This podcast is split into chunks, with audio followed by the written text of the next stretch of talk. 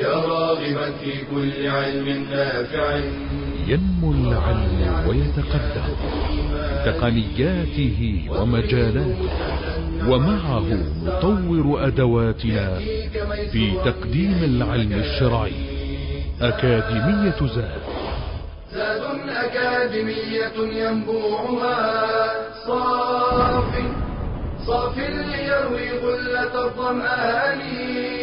والسيرة العلياء عطرة الشدى.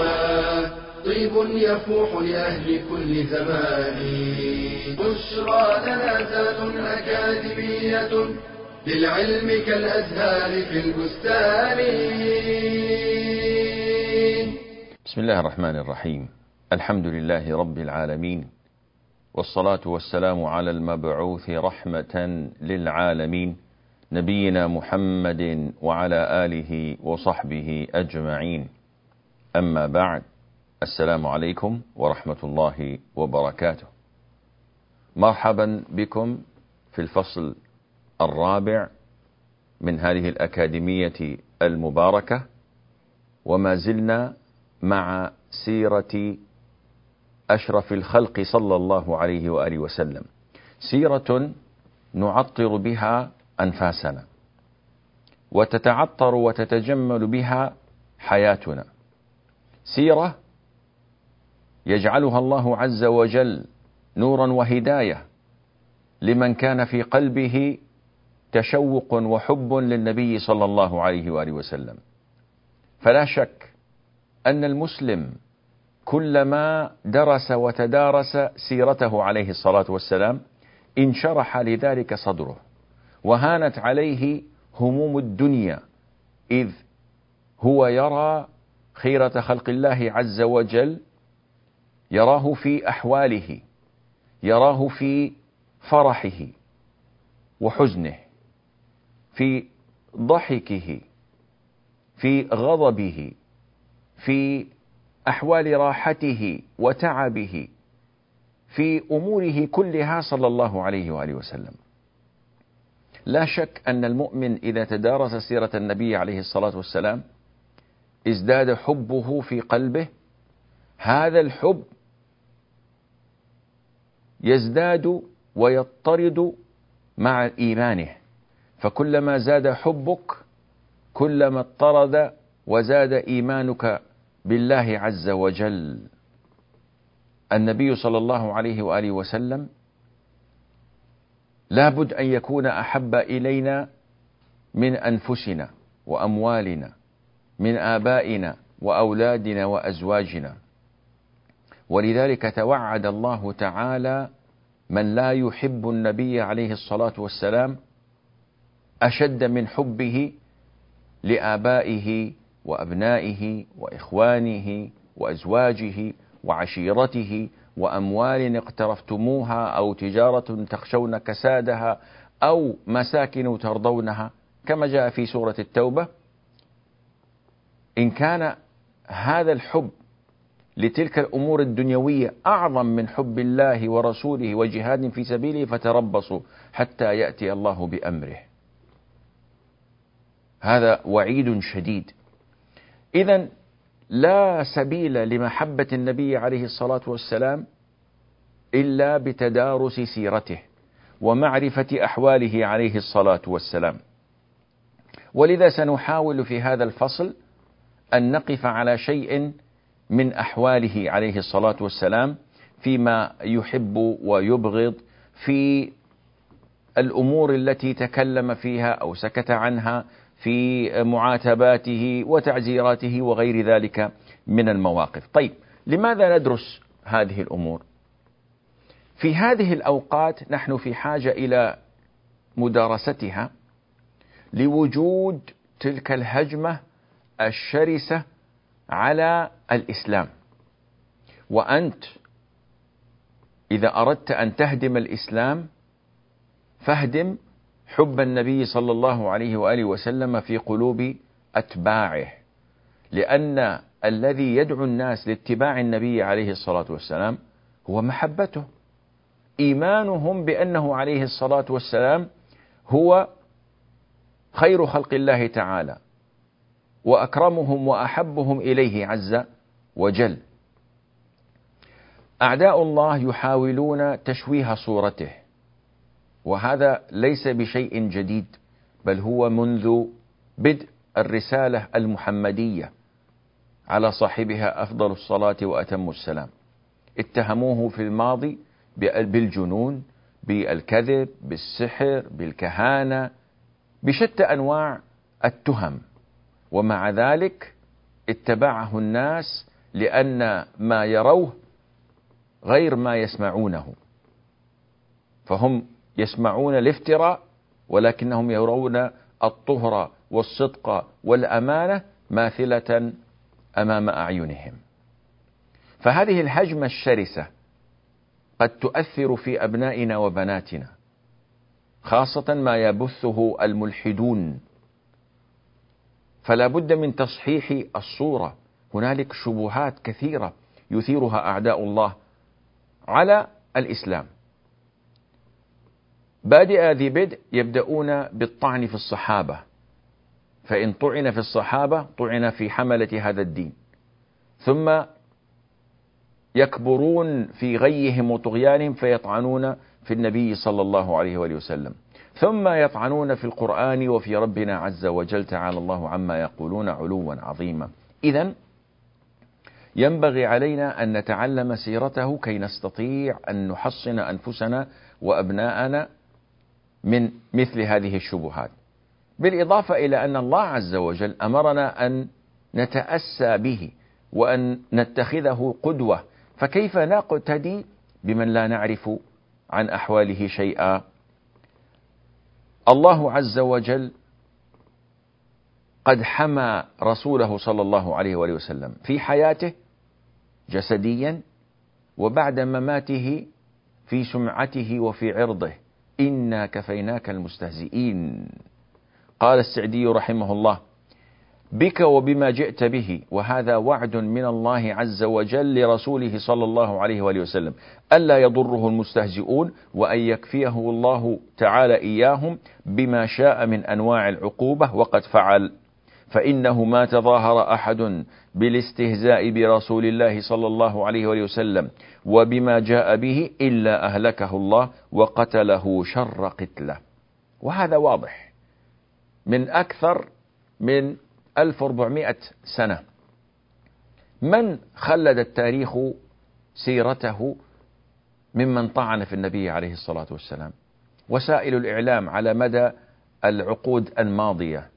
يطعنون ويستهزئون من بقي منهم؟ كلهم دخلوا مزبلة التاريخ من أوسع أبوابه. نسوهم الناس ولم يعودوا يذكرونهم فإن ذكروهم ذكروهم باللعن. ولكن بقيت سيرته صلى الله عليه وآله وسلم ناصعة البياض. بقيت سمعته صلى الله عليه وسلم تعطر الأفواه بالصلاة عليه وبحسن ذكره. إذا هذا الفصل نسأل الله أن يجعل فيه البركة وأن ينفعنا بما نسمع ونقول. هذا الفصل سوف نتكلم ونتحدث فيه عن أحواله صلى الله عليه وآله وسلم عن الأمور التي يحبها ويبغضها عن الناس الذين يحبهم ويبغضهم عن أحواله في حال الفرح وفي حال الحزن في حال الغضب وفي حال الرضا. عن أمور متعددة من سيرته عليه الصلاة والسلام من شمائله ونتقرب بها إلى الله عز وجل عسى أن ينفعنا الله تعالى بها. نبدأ في هذا الفصل بإذن الله عز وجل في الحديث عن كلامه. كلام النبي صلى الله عليه وآله وسلم عجيب. على قلته إلا أن فيه من المعاني الشيء العظيم. ولذلك جاء عنه صلى الله عليه وآله وسلم أنه قال أوتيت جوامع الكلم. وكلامه عليه الصلاة والسلام كان أطيب الكلام لأنه ما أن يسمعه السامع حتى يدخل في قلبه مباشرة فيؤثر فيه تأثيرا عجيبا. على الرغم من تحذير المشركين للناس من أن يسمعوا كلامه. وهذه الدعاية الضالة المغرضة كانت كثيرة ضد نبينا صلى الله عليه وآله وسلم. الطفيل بن عمرو الدوسي كما جاء في السيرة كان أحد أولئك الذين سمعوا هذا الافتراء. على النبي عليه الصلاة والسلام. فما هي قصته؟ هذا ما سوف نعرفه إن شاء الله عز وجل بعد الفاصل. فابقوا معنا. بشرى لنا أكاديمية للعلم كالأزهار في البستان.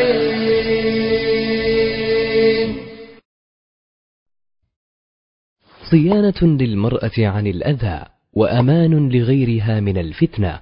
وحفاظ على المجتمع من السقوط في مهاوي الرذائل والشهوات. الحجاب. فرضه الله على المرأة المسلمة وأمرها بالالتزام به أمام كل رجل أجنبي عنها ولو كان من الأقارب غير المحارم. وحجاب المرأة وما ستر جميع البدن وكان موافقا للشروط الآتية. أن يكون كثيف النسيج لا يشف ما تحته. أن يكون فضفاضا لا يصف ما دونه. ألا يكون زينة في نفسه ألا يكون مبخرا أو مطيبا ألا يشبه ثياب الرجال ألا يشبه زي الكافرات ألا يكون ثوب شهرة تمتاز به عن قريناتها. ما دون ذلك كان داخلا في التبرج الذي نهى الله عنه بقوله وقرن في بيوتكن ولا تبرجن تبرج الجاهلية الأولى. فالمرأة المسلمة تلتزم أمر الله تعالى وأمر رسوله صلى الله عليه وسلم كي تفوز برضا الله تعالى وجنته. وتنجو من الوعيد الوارد في قول النبي صلى الله عليه وسلم صنفان من أهل النار لم أرهما قوم معهم سياط كأذناب البقر يضربون بها الناس ونساء كاسيات عاريات مميلات مائلات.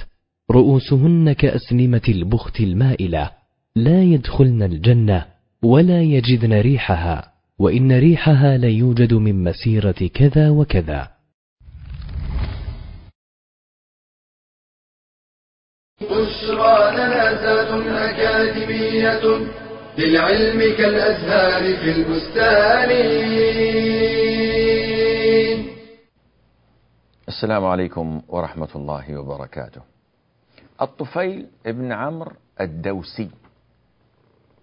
رجل من خيرة قومه قدم إلى مكة وكانت العادة أنه ما أن يأتي غريب إلى مكة حتى يمسكه المشركون ويعطوه تحذيراتهم من أن يستمع إلى النبي عليه الصلاة والسلام. فقالوا هذا الذي يعني بيننا وظهر فينا فرق جماعاتنا وشتت أمرنا وقوله كالسحر يفرق بهذا الكلام بين الرجل وبين امرأته بين الرجل وأخيه بين الأب وابنه. فنحن نخشى أنك إن سمعت منه أن يصيبك شيء مما جاء به. فلا تكلمنه ولا تسمعن منه شيئا. طبعا حسن النية موجود. قال هؤلاء أعلم بمن؟ من جماعتهم وقومه أعلم به منا. فحشى أذنه قطنا كي لا يسمع يعني كأنه وضع سدادات في أذنه كي لا يسمع شيئا ودخل إلى المسجد ليعبد الآلهة كما كانوا يفعلون. فرأى النبي عليه الصلاة والسلام فإذا به يصلي عند الكعبة. ومن أحسن قولا ممن دعا إلى الله وعمل صالحا وقال إنني من المسلمين. الدعوة بالفعل بالعمل لا بالحديث فقط. الرسول يصلي عليه الصلاة والسلام ولا يبالي بمدح المادحين أو بانتقاد المنتقدين. وهذه علامة الإخلاص. يصلي عند الكعبة يرفع صوته بالقرآن. يقول فأبى الله عز وجل إلا أن يسمعني بعض قوله. فسمعت كلاما حسنا. ما سمعت سحر ما سمعت تمتمة إنما سمعت كلاما عربيا فصيحا مبينا. فقلت في نفسي أنا امرؤ عاقل لبيب هل يعقل أن أعير عقلي لغيري؟ وهذا سبحان الله شبيه بما يفعله العامة مع وسائل الإعلام الغالب أنها كاذبة فاجرة تقول ما لا يرضي الله عز وجل من القول. فتقود الناس قيادة القطيع. هذا الرجل عاقل قال أنا أسمع وأتبع الشيء الذي يكون موافقا للمنطق موافقا للعقل يخ ما يخفى علي الحسن من القبيح. ما يمنعني أن أسمع هذا الرجل؟ يقول فمكثت حتى انصرف الرسول عليه الصلاة والسلام إلى بيته فتبعته ثم دخلت عليه فقلت يا محمد إن قومك قالوا كذا وكذا فأسمعني. فقرأ عليه عليه الصلاة والسلام وعرض عليه هذا الأمر قرأ عليه القرآن وعرض عليه الإسلام يقول فما سمعت قولا قط أحسن منه ولا أمرا أعدل منه فأسلمت وشهدت شهادة الحق. ولكن هذه القصة الجميلة نتبين فيها أن الهداية بيد الله تعالى. فكم من الناس سمعوا كلام الرسول عليه الصلاة والسلام ولم يؤمنوا؟ لماذا؟ لأن الله طبع وختم على قلوبهم. وكم من الناس سمعوا كلام النبي عليه الصلاة والسلام فآمنوا فكان إيمانهم كالجبال الراسيات. وكما قال عز وجل ولو أرادوا الخروج لأعدوا له عدة ولكن كره الله بعاثهم فثبطهم وقيل اقعدوا مع القاعدين الله عز وجل الذي ثبطهم لأن الله تعالى علم أنه ليست لديهم الرغبة ولا الهمة في معرفة الحق. ولو أنهم جاهدوا في الله حق جهاده لهداهم. كما قال تعالى والذين جاهدوا فينا لنهدينهم. أنت تريد الهداية وأنت على كرسيك؟ لابد أن تتحرك لابد أن تطلب. فلذلك جاءت هذه الهداية منة من الله عز وجل وفضل على ذلك الرجل. كلام الرسول عليه الصلاة والسلام فيه من الخير والفائدة الشيء العظيم. أما قال هو نفسه صلى الله عليه وسلم إن من البيان لسحرة عندما سمع شاعر القوم وخطيبهم يتحدث قال إن من البيان لسحرة وإن من الشعر لحكمة أو كما قال عليه الصلاة والسلام. فإن كان هذا عند الناس فكيف بكلامه هو صلى الله عليه وآله وسلم؟ النبي صلى الله عليه وآله وسلم كان إذا تكلم تمهل في كلامه فكان يترسل ولم يكن يواصل الكلام ويجمعه بعضه ببعض ولم يكن يتكلم بصورة متصلة حتى ينقطع نفسه بل كان يتخير السكتات المناسبة. أمنا عائشة رضي الله عنها تقول كان النبي صلى الله عليه وسلم إذا حدث بالحديث لو عده العاد لأحصاه ولم يكن يسرد الحديث كسردكم أنتم. يعني الرسول عليه الصلاة والسلام كلامه متمهل ما كان يسرده سردا وكان يتكلم بكلام بين فصل يحفظه من يجلس إليه. الآن أنت لو تنظر في كلام الناس بعض الخطباء يتكلم ما شاء الله ثلاث ساعات أربع ساعات ويظن أن هذا يعني فيه قوة وفيه زيادة علم. أبدا. كثرة الحديث ينسي بعضه بعضا. أنت إذا تحدثت ساعة كاملة في موضوع وتكلمت بحديث ومتواصل وسريع الناس ما يفهمون عنك. ولذلك كلامه عليه الصلاة والسلام كان بتمهل وكان موجزا يعني يستطيع الإنسان أن يعده. وهذا أيضا سيأتي معنا شيء من هذا القبيل. فالأصل أن الخطيب إذا تحدث أن يتحدث بلغة فصيحة وأن يتخير الحديث والكلام وأن يقلل ويوجز منه ما استطاع. لماذا؟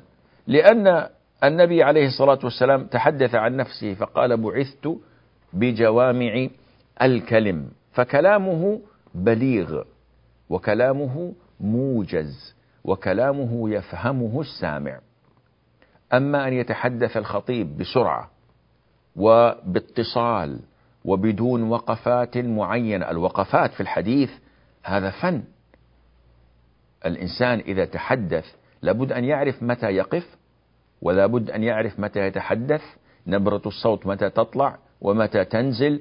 هذا كله من الأمور التي ينبغي على المسلم أن يحرص عليها وأن يراعي أحوال المستمعين. فالنبي صلى الله عليه وسلم كان لو أرادوا أن يحصوا ويعدوا كلامه لفعلوا. وكلام أحاديث الرسول عليه الصلاة والسلام يعني يستطيع يحفظها طلبة العلم. حديث عمر رضي الله عنه إنما الأعمال بالنيات. أربع كلمات أو ثلاث شيء عجيب. عندما يقول عليه الصلاة من أحدث في أمرنا ما ليس منه فهو رد. هذا يبنى عليه أصول الإسلام. أربع وخمس كلمات جمل عجيبة. لا ضرر ولا ضرار. إذا هذا كله يدلك على ماذا؟ يدلك على أن الأصل هو الإيجاز بأبلغ العبارات لكن بأقصرها. ولذا أنت تتعجب بعض الأحيان تسمع من الناس التذمر. يقول صلينا عند إمام الجمعة. صلينا عند إمام في صلاة الجمعة. وإذ بخطبته والصلاة تصل إلى الساعة والربع. ساعة وربع يا اللي ما تخاف الله. تخطب في الناس. قال نعم حدثتهم بما حدث منذ آدم إلى قيام الساعة. يا أخي اتق الله. النبي صلى الله عليه وسلم يقول إن قصر خطبة الرجل وطول صلاته لمئنة من فقهه. إذا كلما كانت الخطبة قصيرة وموجزة يخرج الناس من الجمعة وقد فهموا عنك. حدثتهم عن مسألة أتوا بهذه المسألة.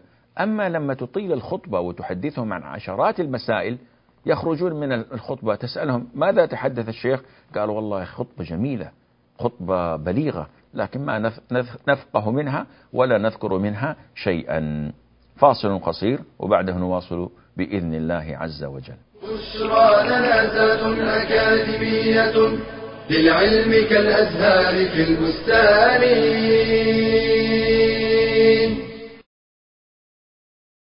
به تنكشف الكربات وتستنزل البركات وتستجلب الرحمات. إنه الدعاء مخ العبادة وباب الخير والسعادة.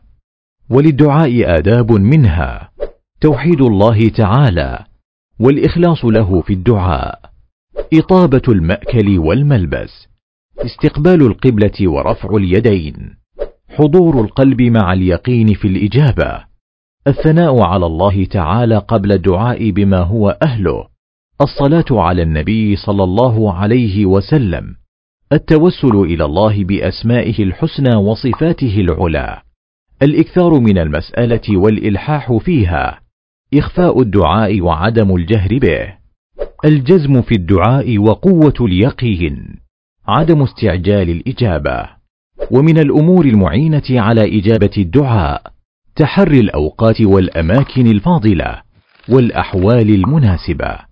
فمن الأوقات الفاضلة وقت السحر الثلث الأخير من الليل آخر ساعة من يوم الجمعة وقت نزول المطر عند سماع الأذان وبين الأذان والإقامة.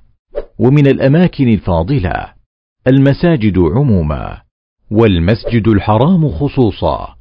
ومن الأحوال التي يستجاب فيها الدعاء دعوة المظلوم دعوة المسافر دعوة الصائم دعوة المضطر دعوة الوالد لولده ودعوة المسلم لأخيه بظهر الغيب. قال رسول الله صلى الله عليه وسلم الدعاء هو العبادة. ثم قرأ وقال ربكم ادعوني أستجب لكم. إن الذين يستكبرون عن عبادتي سيدخلون جهنم داخرين. بشرى لنا أكاديمية للعلم كالأزهار في البستان. السلام عليكم ورحمة الله وبركاته. النبي صلى الله عليه وآله وسلم من خصائص كلامه أنه كان إذا تحدث تخير المدخل المناسب للموضوع الذي يريد أن يطرحه. بعض الناس ربما يهجم على الموضوع هجوما وهذا خطأ لأنك أنت إذا أردت أن يستجيب الناس لك فلا بد من أمور معينة مثلا أن تتخير المدخل المناسب للموضوع بمقدمة أو أنك تلفت انتباههم بأمر أو ربما أعدت الحديث مرات كي يفهم عنك هذا الموضوع. فعلى سبيل المثال كان صلى الله عليه وآله وسلم يقدم الموضوع بمقدمة مناسبة. فعندما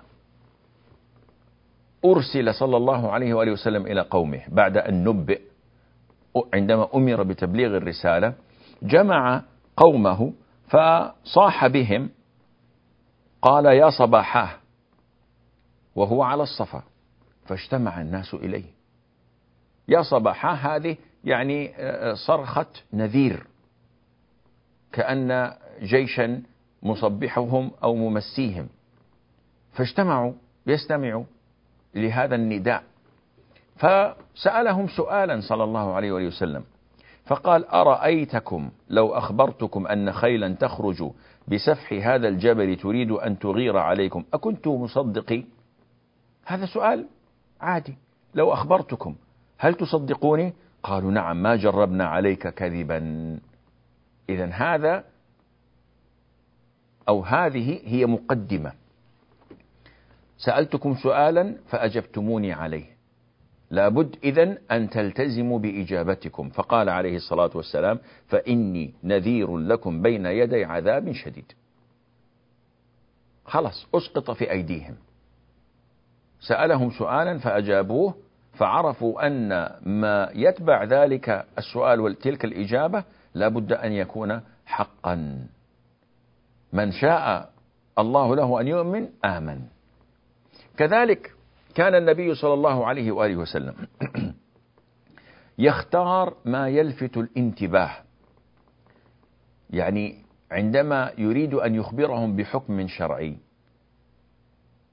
أو بأمر من أمور الدين ما كان يخاطب أصحابه يقول لهم كذا لكن يسألهم ألا أنبئكم بأكبر الكبائر؟ الناس يتشوفون للإجابة. قال أتدرون ما الرقوب أو من ما تعدون الرقوب فيكم؟ قالوا الذي لا يولد له. هذا اللي يعد الرقوب. قال ليس ذلك بالرقوب ولكنه الرجل الذي لم يقدم من ولده شيئا. حقيقة الذي لم يمت له ولد فهذا هو الرقوب لأن الله متعه بأولاده وبأحفاده. أما من مات له شيء من الولد واحتسب وصبر مصيبة. هذا آآ آآ آآ الذي قدم شيئا وهذا الذي رزقه الله عز وجل من الولد. ثم يسألهم فيقول فماذا تعدون السرعة فيكم؟ ليس الشديد بالسرعة. فقالوا الذي لا يسرعه الرجال. قال ليس ذلك ولكنه الذي يملك نفسه عند الغضب. أمور قد تبدو لنا أنها عادية ولكن النبي عليه الصلاة والسلام هو أكمل الخلق حتى في كلامه.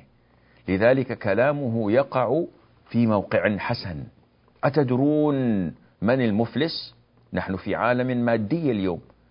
الناس يقاسون ويقدرون بحسب حساباتهم البنكية بحسب منازلهم الفاخرة الكبيرة واستثماراتهم وعقاراتهم وسياراتهم.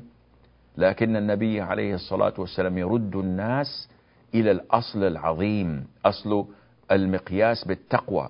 فقال من تعدون المفلس فيكم؟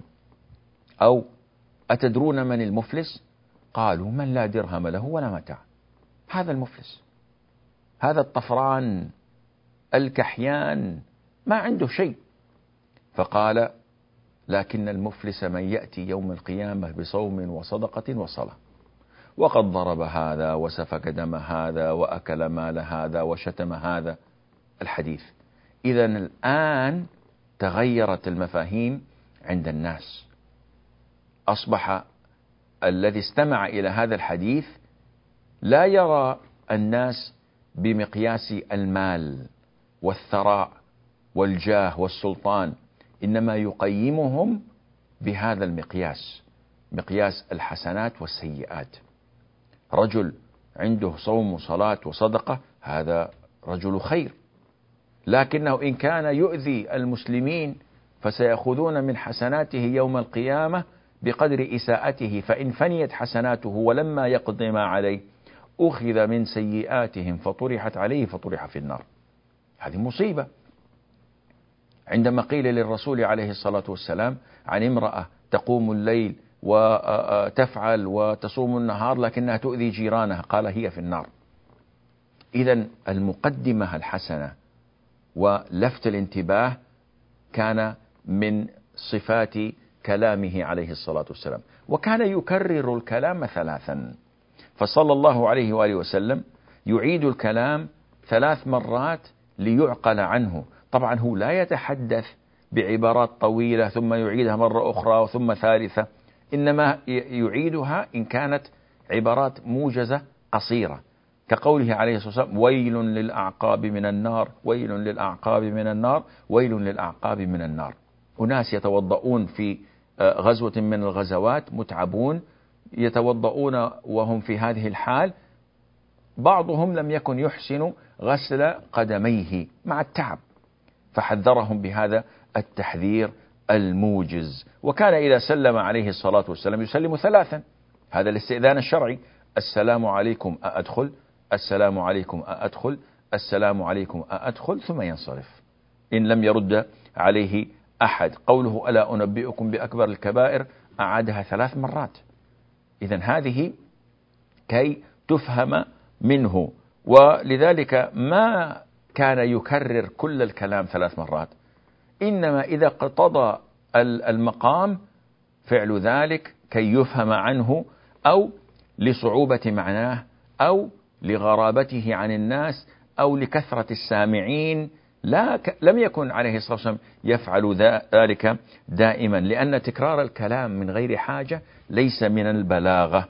فيحمل تكراره عليه الصلاة والسلام للفت الانتباه ويحمل لغرابته عن أسماع الناس أو لكثرة السامعين لم يوجد هنالك مكبرات صوت فربما تكلم صلى الله عليه وآله وسلم بكلام وربما ما وعيه عنه بعضهم فيكرره ثلاثا وهذا من بلاغته صلى الله عليه وآله وسلم. بقي معنا في هذا الدرس التكنية عما يستقبح ذكره من الكلام، ولكن لأن الموضوع فيه شيء من الأمثلة والإطالة فلربما أخرناه إن شاء الله في الدرس الثاني على أن نلقاكم بإذن الله عز وجل على خير وأنتم في صحة وعافية. هذا والله أعلم ونسبة العلم إليه أسلم. وصلى الله وسلم وبارك على عبده ورسوله نبينا محمد والسلام عليكم ورحمة الله وبركاته. يا راغبا في كل علم نافع متطلعا لزيادة الإيمان وتريد سهلا النوال ميسرا يأتيك ميسورا بأي مكان زاد زاد أكاديمية ينبوعها.